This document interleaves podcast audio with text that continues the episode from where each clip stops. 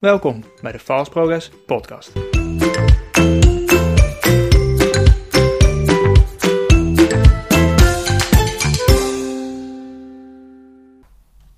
Hey, wat leuk dat je weer luistert naar een nieuwe aflevering van de Fast Progress Podcast. Ehm, in deze nieuwe aflevering wil ik het met je hebben over wat ik geleerd heb en de inzichten die ik heb gekregen ehm, tijdens mijn vakantie. Ik ben weer terug en voor mij was dit geen normale vakantie, maar lichamelijk echt een beproeving. Maar wat ben ik blij dat ik dit gedaan heb. Wat heb ik namelijk gedaan? Ik ben terug uit Spanje uiteindelijk. Ik heb namelijk de Portugese Camino gelopen. En die gaat van Porto helemaal tot aan Santiago uh, de Compostela. En ik denk alles bij elkaar, inclusief het verkeerd lopen, is het ongeveer een tocht van iets meer dan 300 kilometer geworden. Um, en het enige wat we bij hadden was een backpack van, ja, wat zal het zijn, plus minus 9 kilo op de rug en gaan. Maar wat was dit een bijzondere reis?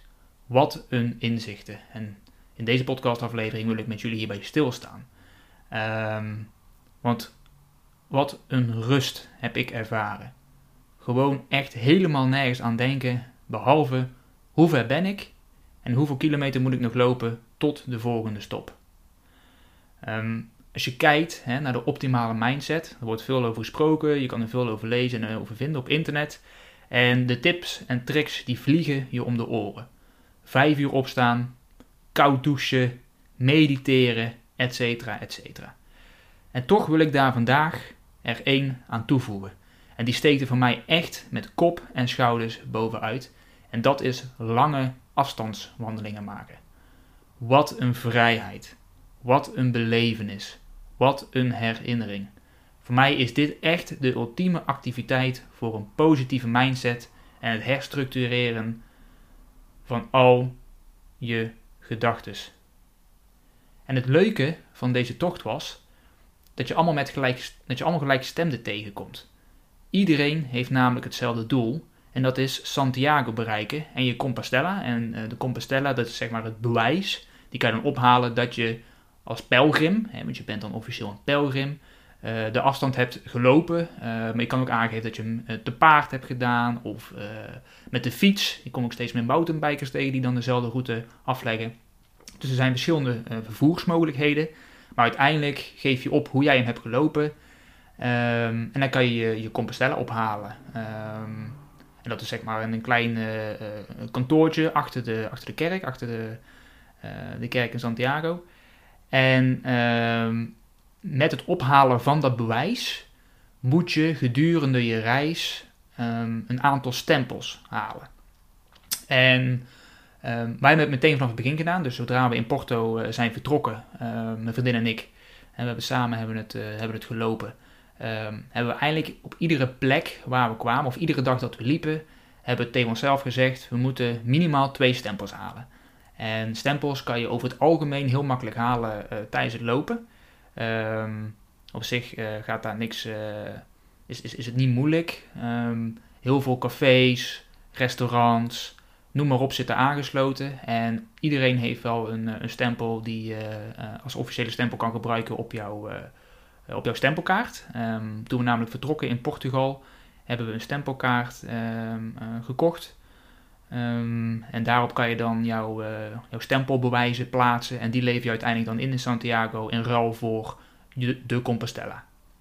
Dat is een soort ja, oorkonde, uh, geschreven in het, uh, in, het oude, in het oude Grieks. Um, waarin dan staat dat je officieel een pelgrim bent en dat je um, de route afge, afgerond hebt. en voldoet eigenlijk aan de, aan de criteria.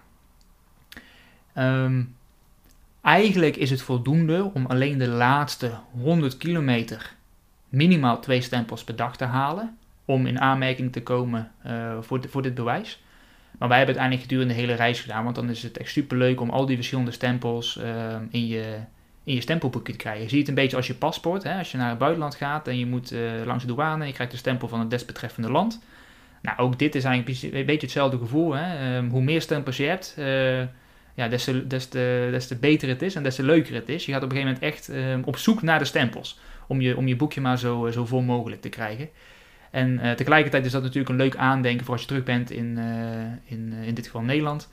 En we hebben het ook netjes bij ons in de kast gezet, waar we eigenlijk alle souvenirtjes en mooie herinneringen aan reizen die we maken verzamelen. Daar hebben deze twee ehm, stempelboekjes van ons ook bij gezet. Maar even terug naar die mindset. Ehm, en het tegenkomen van allemaal gelijke stemden. Omdat je je tijdens de rit en tijdens de tocht omringt met mensen die allemaal hetzelfde doel hebben, heb je hele leuke gesprekken en help je elkaar echt verder. op, op, als je op een gegeven moment er doorheen zit, dan, dan help jij uh, die persoon. Maar andersom, uh, een dag later kan jij er doorheen zitten en dan is het ook fijn als jij geholpen wordt om toch weer even uh, door te gaan en met dat einddoel in ogen, namelijk het plein oplopen in Santiago, voor de kerk staan en echt een gevoel van trots over je heen laten komen. En ik heb eigenlijk gedurende de reis uh, heel veel inzichten gedaan. En vijf daarvan, die zijn me toch wel bijgebleven. En um, dat is uh, ja, iets meer dan twee weken. We hebben er iets meer dan twee weken over gedaan. Twee weken gewandeld hè, langs de kust en door de binnenlanden van Portugal en Spanje. We zijn in Porto begonnen en we hebben het eerste stuk langs de kust gedaan. En dan is er op een gegeven moment een mogelijkheid om of door te gaan via de kust en eigenlijk de hele kustroute uh, te doen richting Spanje. Of je slaat uh, zeg maar af richting, uh, richting het binnenland en dan ga je ook een stukje, stukje bergen doen in Spanje. Nou, dat hebben wij gedaan. En ja, wat ik daar in die twee weken heb opgedaan aan inzichten um, en, en hoeveel hoeveel waarde mij dat heeft gebracht, die ik kan gebruiken uh, in, in, in, de verdere, in mijn verdere leven, dat is, uh, dat is ongekend. En, ik, en dat is voor mij echt een houvast om iedere dag weer door te gaan. En ik wil dat met jullie even, even delen in deze, in deze aflevering. Um, het zijn er voor mij vijf geworden. Um, ik heb het even opgedeeld in, in vijf inzichten. En die wil ik graag even met je, met je delen. En inzicht 1 is: het leven is te kort om te lang bij het negatieve stil te blijven staan. Reflecteer, dat is prima, maar ga zo snel mogelijk over tot de orde van de dag en maak daar iets bijzonders van. Inzicht 2. Omring je met bijzondere mensen. Omring jezelf met gelijkgestemden. Je trekt elkaar naar een hoger niveau in plaats van naar beneden. Inzicht 3. Je zult altijd weerstand en obstakels ondervinden, privé maar ook zakelijk. Maar laat je hierdoor niet uit het veld slaan. Pak dit aan als extra motivatie om de volgende stap te blijven zetten. Van elke tegenslag leer je en dit maakt je sterker. Inzicht 4. Samen kom je verder. Vroeg of laat heb je elkaar of iemand nodig om verder te komen. Dit kan een tip zijn, een inzicht, een stukje kennis of ervaring, maar denk niet dat je alles helemaal alleen kunt. En inzicht 5, de laatste. De meeste mensen hebben het beste met je voor. Hoeveel leed en onrecht en hoeveel ellende er ook in de wereld is, uiteindelijk zijn er altijd mensen die een helpende hand zullen aanbieden zonder hier misbruik van te maken. Dus geef men het voordeel van de twijfel. En als ik even terugkijk en ik, en ik uh, spreek deze vijf inzichten nu weer hardop uit, dan brengt het mij weer terug naar die mooie reis, door die mooie natuur, naar het afzien, maar ook naar de trots toen ik eenmaal in Santiago aankwam. Um, de mooie mensen die ik ontmoet heb, de leuke verhalen die we, die we, um, die we gehoord hebben en die we tegen elkaar verteld hebben. Um, we hebben op een gegeven moment uh, leerden we een uh, Nederlandse man kennen en um, die was alleen, die liep, die liep de, de Compostela, um, Santiago Compostela alleen. En omdat wij hetzelfde tempo liepen, um, hebben we toch twee dagen met hem opgetrokken. Daarnaast nam hij een rustdag en wij hadden hem net gehad. Dus wij gingen daarna door. Maar we hebben twee dagen met deze, met deze man opgetrokken. En de hoeveelheid informatie en verhalen, ook persoonlijke verhalen die je dan in zo'n korte tijd deelt. Je kent die persoon niet, hij is, hij, het is een vreemde, maar je deelt dan al op zo'n niveau um, ja, eigenlijk je levensverhaal met elkaar. Dat is echt bijzonder wat er dan ontstaat. En ik, en ik denk echt dat het alleen maar kan op het moment dat je met gelijkgestemden omringt en je op een of andere manier dan ook het vertrouwen voelt dat je je verhaal kan, kunt doen. En ja, het zet je aan het denken. Ehm, je wisselt eens wat, wat kennis uit. Toevallig zat deze meneer ook in hetzelfde vakgebied als ik. Ehm, ik probeer freelancers, solopreneurs, ondernemers, managers uh, te coachen, te helpen, te begeleiden in het groeien in leiderschap, focus en resultaat. Om daar het, het beste in te worden, meer succes te behalen en echt resultaten te boeken. Um, en deze meneer die was uh, coach en dan met name om high performing teams te creëren. Dit doet hij bij, bij organisaties. En ja, je deelt dan toch dezelfde, dezelfde kennis met elkaar. En je ziet ook dat je, dat je, dat je eigenlijk op hetzelfde level zit, je dezelfde dingen interessant vindt. En dat leiderschap niet zozeer is alleen maar hè, dat je een team aanstuurt, maar ook persoonlijk leiderschap. Leiderschap over jezelf nemen, over je eigen lichaam, over je eigen gedachten.